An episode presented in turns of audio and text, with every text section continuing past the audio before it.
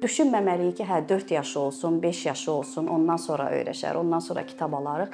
Yəni bu artıq elə bilirəm ki, gec olacaq. Amma istənilən halda yenə də uşaqda kitaba həvəs oyatmaq mümkündür. Yəni o demək deyil ki, mən körpə yaşında uşaqla məşğul olmamışam, alışdırmamışamsa, indi də heç nə eləməyim. Yox, sonradan da uşaqla yenə də uşaqda daha doğrusu həvəs oyatmaq olar, kitaba sevgi aşılamaq olar.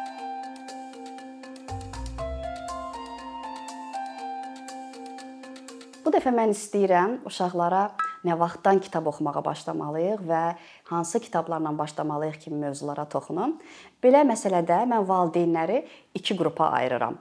Valideynlər var ki, daim bu suallar ətrafında düşünürlər. Valideynlər də var ki, hələ uşaq balacadır, nə başa düşür, hələ vaxta var kimi fikirlərlə bu məsələləri təxirə salırlar. Amma istərdim deyim ki, gərək biz nəzərə alaq ki, uşaqlar necə ki, körpə yaşından, doğulandan artıq həyatda önəmli olan məsələləri, həyati önəm daşıyan hər şeyi alışqanlıq halına çevirirlər. Yəni körpəlikdən bunları öyrənirlər. Eləcə də kitaba da biz bu şəkildə yanaşmalıyıq. Yəni düşünməməliyik ki, hə 4 yaşı olsun, 5 yaşı olsun, ondan sonra öyrəşər, ondan sonra kitab alarıq. Yəni bu artıq elə bilirəm ki, gec olacaq. Amma istənilən halda yenə də uşaqda kitaba həvəs oyatmaq mümkündür. Yəni o demək deyil ki, mən körpə yaşında uşaqla məşğul olmamışam, alışdırmamışamsa, indi də heç nə eləməyim. Yox, sonradan da uşaqla yenə də uşaqda daha doğrusu həvəs oyatmaq olar, kitaba sevgi aşılamaq olar. Amma çalışmalıyıq ki, əlbəttə bunu körpə yaşından eləyək. Valideynlərdə də bu zaman sual yaranır ki, bəs axı uşaq cırır, mən necə eləyim, nə edeyim?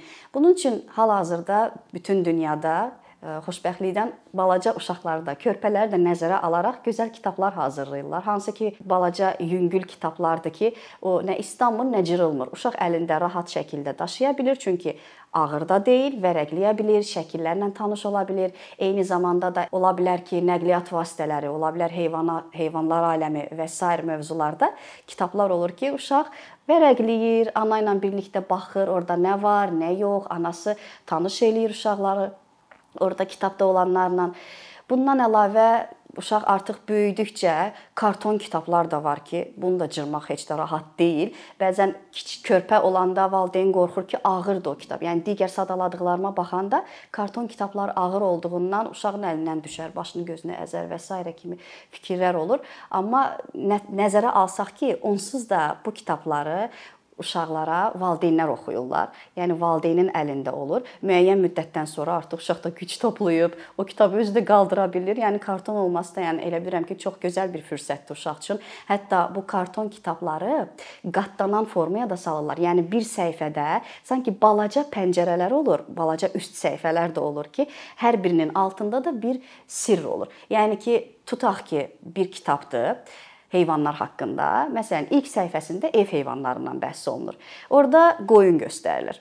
Uşaq o pəncərəni qaldıranda, həmin qatlanan hissəni qaldıranda altında bir əmi oturub qoyunun yunun qırxır. Yəni uşaq bundan öyrənir ki, valideynin də əlbəttə ki, köməyi ilə uşaq öyrənir ki, biz qoyunun yunundan taq ki, istifadə eləyirik. Bundan sap hazırlanır, yorğan döşək hazırlanır və yaxud da inək olan şəklin pəncərəsini açanda orada görünür ki, inəyin bir dənə nənə oturub süd sağır. Hə, biz inəyin südündən faydalanırıq və sair və ilaxır kimi orada məlumatlar var ki, uşaqlar bunu daha rahat şəkildə mənimsəyirlər. Biri var nəzəri şəkildə, şifahi şəkildə ancaq uşaqla danışasan, biri də var ki, həmin bu kitablar vasitəsilə və xüsusən də bu kitablar şəkilli kitablardır, hansı ki, uşaqlar üçün çox əhəmilidir və uşaqlar nəinki eşidərək, eyni zamanda da vizual olaraq görərək bu məlumatı əldə eləyirlər və bu zaman daha rahat öyrənə bilirlər. Həm də maraqlı olur onlara, əylənərək öyrənirlər.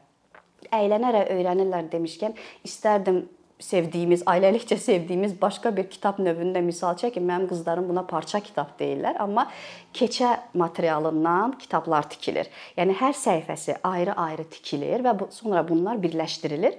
Rusca buna fetr deyirlər, bəlkə də bir çoxları fetr kitab kimi də deyə bilər. İnteraktiv öyrənmə üsulu, interaktiv kitab hesab olunur və burada necə olur? Səhifələrdə düymələrdən, çırt-çırtlardan, zəncirbənddən, istənilən, yəni ayaqqabıdır, geyimdir, çantalarda olan vasitələr var ki, hər birindən bu kitablarda istifadə olunur. Yəni uşaq elə bil bu kitabla həm də məşğul olur, inkişaf eləyir, nəsə öyrənmiş olur. Məsələn, tutaq ki, kitabın səhifəsi fiqurlara həsr olunub. Bu zaman fiqurlar kəsilir, tikilir həmin o fetrin üst, keçənin üstünə və kənarda yenə də həmin fiqurlardan kəsilib və hər birində də cırt-cırtlar tikilmiş olur. Uşaq digər fiquru, məsələn, dairədirsə, dairəni dairənin üstünə yapışdırır kvadratdırsa kvadratın üstünə, üçbucağı üçbucağı və s. Bu kitabın hər səhifəsinə fərqli bir mövzu seçmək olar. Məsələn, bir mövzu planetlər ola bilər, başqa bir mövzu orqanlar ola bilər, rənglər, rəqəmlər, hərflər və s. və ilaxır. Yəni fantaziyanız nə qədər genişdirsə, yəni istənilən mövzu seçib o kitabların səhifələrini hazırlayıb kitab halında tikmək olur. Yəni kiçik yaşlarından uşaqlarda bu şəkildə kitablara həvəs oyatmaq olar. Əylənərək, şənlənərək, o heyvanların səslərini ki, ana onlara uyğun şəkildə təqlid eləyərək çıxarır. Hardasa intonasiyasının səs tonu yüksək olur, hardasa səs tonu aşağı olur, bəlağətli danışır və s. və ilaxır. Ana bütün bunlara diqqət eləyir. Bütün o kitablardakı, yəni şərt deyil ki, bu kitabda ancaq nağıl olsun. Biz uşağa ancaq nağıl oxuyaq. Körpə körpəlikdən uşaq etap-etap, yəni mərhələ-mərhələ gəlib çatır bu həddə. Yəni bunu bilirsiniz mən həm də nəyə bənzədirəm? Uşağın bərk qidaya keçmə mərhələsinə. Yəni bu da elədir. Əvvəldən başlayır uşağı ətraf aləmlə tanış eləməyə, heyvanlardır, ətrafda baş verənlərdir, hər şeylə. Yəni uşaq tanış olur, tanış olur. Eyni zamanda da ana bunları ilə özü nağıl kimi uşağa nəql eləyir, danışır və sonra başlayır artıq hə daha geniş kitablara keçməyə, nağıllar danışmağa, oxumağa. Və bu zaman nəinki artıq digər sadaladığımız kitablar, eyni zamanda da elə kağızdan olan kitablardan da rahat şəkildə istifadə edirlər. Çünki körpə yaşından uşaq əgər ananın yanında dartmağa, cırmağa çalışıbsa, təbii olaraq o uşaq balacadır. Kitabın hələ kitabdan hələ necə istifadə olunduğunu yaxşı bilmir. Buna görə də bunda ananın vəzifəsi böyük olur ki, işi böyük olur ki, uşağa hər dəfə biz bunu cırmırıq, biz kitabdan nələrsə öyrənirik kimi mesajlar ötürərək yavaş-yavaş kitabdan necə istifadə olunmasını öyrədir. Və artıq müəyyən yaşa çatıblar, ana rahat şəkildə övladına kağızdan olan kitablardan da nağıllar oxuyacaq və yaxud nağıl olmasın, başqa mövzuda kitablar olsun, uşağı ilə mütaliə eləyərək uşağına təqdim eləyəcək, tanış eləyəcək. Bu şəkildə deməli biz həvəs həvəsi oyatmışıq və artıq çalışırıq ki, uşaqlarda bu həvəs yatmasın. Bu zaman nə edirik? Evdə kitab hər tərəfdə olmalıdır. Yəni uşağın əli çatan, gözü görən hər yerdə olmalıdır. Ancaq rəfdə gizlətdiyi kimi olmamalıdır. Və uşaq üçün xüsusi kitabxana da hazırlaya bilərik. Yəni tutaq ki, bizim rəfimiz 3 mərtəbəlidir. Atanın, ananın kitabları yuxarı mərtəbədədir. Aşağı mərtəbədə də uşaqların kitabları olur ki, uşaqlar rahat şəkildə oradan götürə bilirlər. Eyni zamanda uşağın yataq otağında, yatağının ətrafında və yaxud oynadığı yerdə ətrafında kitablar olsa, bu onun üçün çox yaxşıdır ki, gözün gözü görən, əli çatan yerdədir və bəlkə atanın işi var, ananın işi var. Hal-hazırda onu o kitabı oxuya bilmir. Uşaq özü götürüb elə o şəkilli kitabları vərəqləyərək oxuya baxa bilər, kitabı izləyə bilər ki, burada nə idi, nə deyildi, həmin nağılları xatırlaya bilər. Və bəzən olur ki, valideynlər şikayətlənirlər ki, bir çox bəyəndiyimiz kitablar var, amma öz dilimizdə deyil. Bu əslində e, razıyam. Hamımız istəyirik ki, kitablar öz dilimizdə olsun ki, var. Bayaq sadaladığım kitablar da öz dilimiz kitabları da öz dilimizdə tapmaq mümkündür.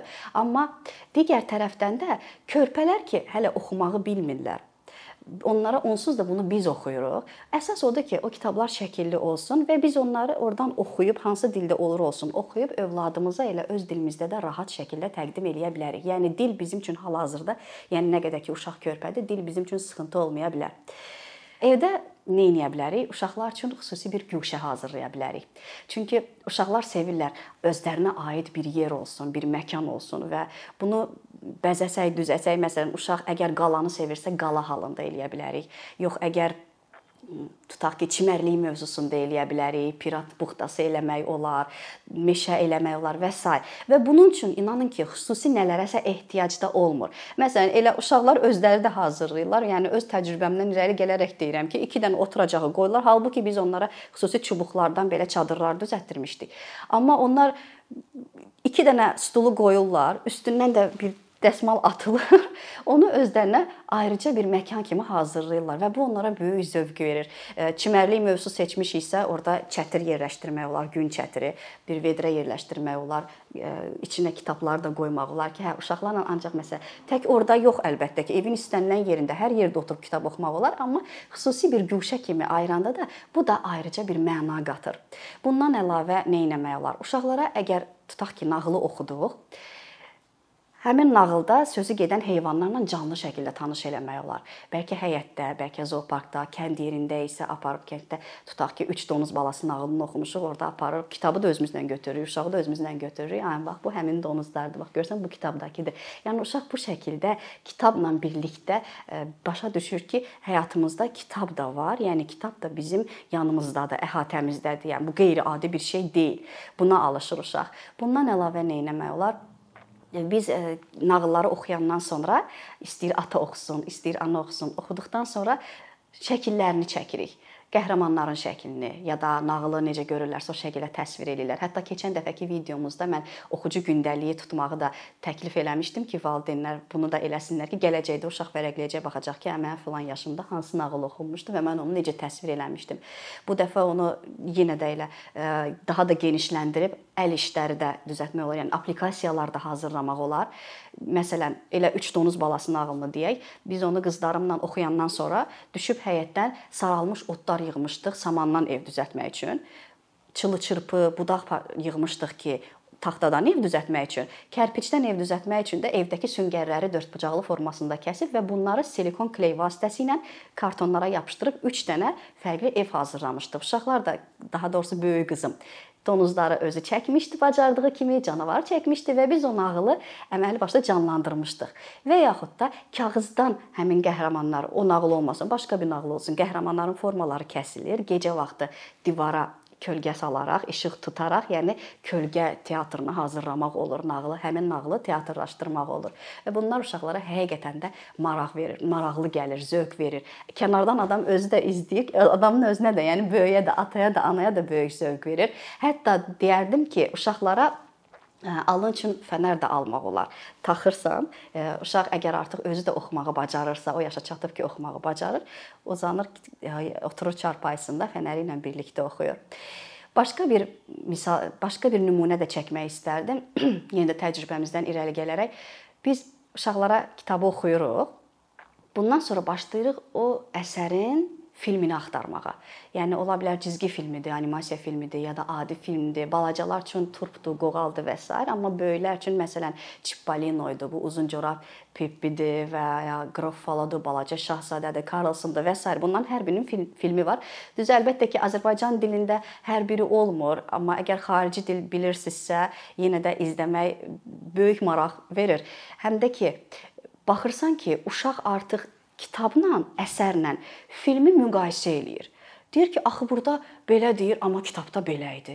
Axı burada görüntüsü belə idi, amma kitabda belə idi. Və o zaman yenə də başlayırsan bunu müzakirə eləməyə və kənardan düşünürsən ki, bu necə gözəl bir şeydir ki, yəni uşaq artıq özü analiz eləməyə bacarır. Yəni sən onun artıq diqqətini, onun yaddaşını da həmin an gözdən keçirirsən ki, deməli əsəri oxuyanda uşaq hər şeyə necə diqqət yetirib ki, bu gün filmini izləyəndə də bütün bunları götür-qoy eləyə bilər. Və bu şəkildə uşaqlar e, kitablarla iç-içə olurlar. Uşaqlar kitablarla birlikdə olurlar. Və nəinki adi oxuduğumuz kitablar. Eyni zamanda audio kitablar da məsləhət görərdim ki, imkan verək uşaqlar dinləsinlər. Yəni tək ananın, tək atanın səsindən yox, eyni zamanda da başqa birinin intonasiyası ilə də dinləsinlər. Bu onların nitqinin daha da yaxşı olmasına, daha da gözəl formalaşmasına kömək eləyəcək ki, heç də az önəm daşımır. Bütün bu sadaladıqlarımız hamısı bizə yardım eləyir ki, uşaq artıq kitab oxuma alışqanlığını qazanmış olur. Yəni eyni zamanda da körpəlikdən ki, ana, ata uşaqla kitab oxuyur və burada ana ilə, ata ilə, yəni valideyn və övlad arasında bağ da möhkəmlənir.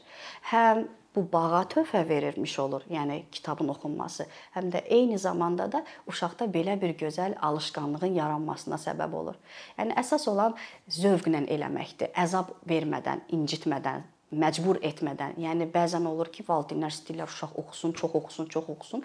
Yəni uşağın onsuz da bütün günü neçə saat oturub oxuması da bu qeyri-real bir şeydir. Heç lazım da deyil. Günə ən az heç olmasa 5-10 dəqiqə də olsa uşaq buna ayırırsa, bu artıq böyük bir şeydir. Əsas odur ki, onu o ürəklə eləsin, zövqlə eləsin. Məcburən neçə saat oturub oxumağın bir mənası yoxdur. Yəni ya da ki, valideynlər olur bəzən uşaq nəsə xoşa gəlməyən bir hərəkət eləyibsə, deyirlər ki, vəssalam, oyun bitdi, get dərslərini oxu və yaxud get kitab oxu. Yəni o kitabı sanki cəza vasitəsi kimi tətbiq eləyirlər. Bu zamanda uşaqda kitaba qarşı mənfi hisslər oyana bilər. Amma biz nə etməliyik? Çalışmalıyıq ki, nə eləyiriksə, oradan ancaq və ancaq həzz almaq mümkün olsun. Onu ürəklə eləmək olsun. Ona görə də hər şeyin başında, necə ki, hər şeyin başında sevgi durur, eləcə də bu işdə də sevgi böyük önəm daşıyır.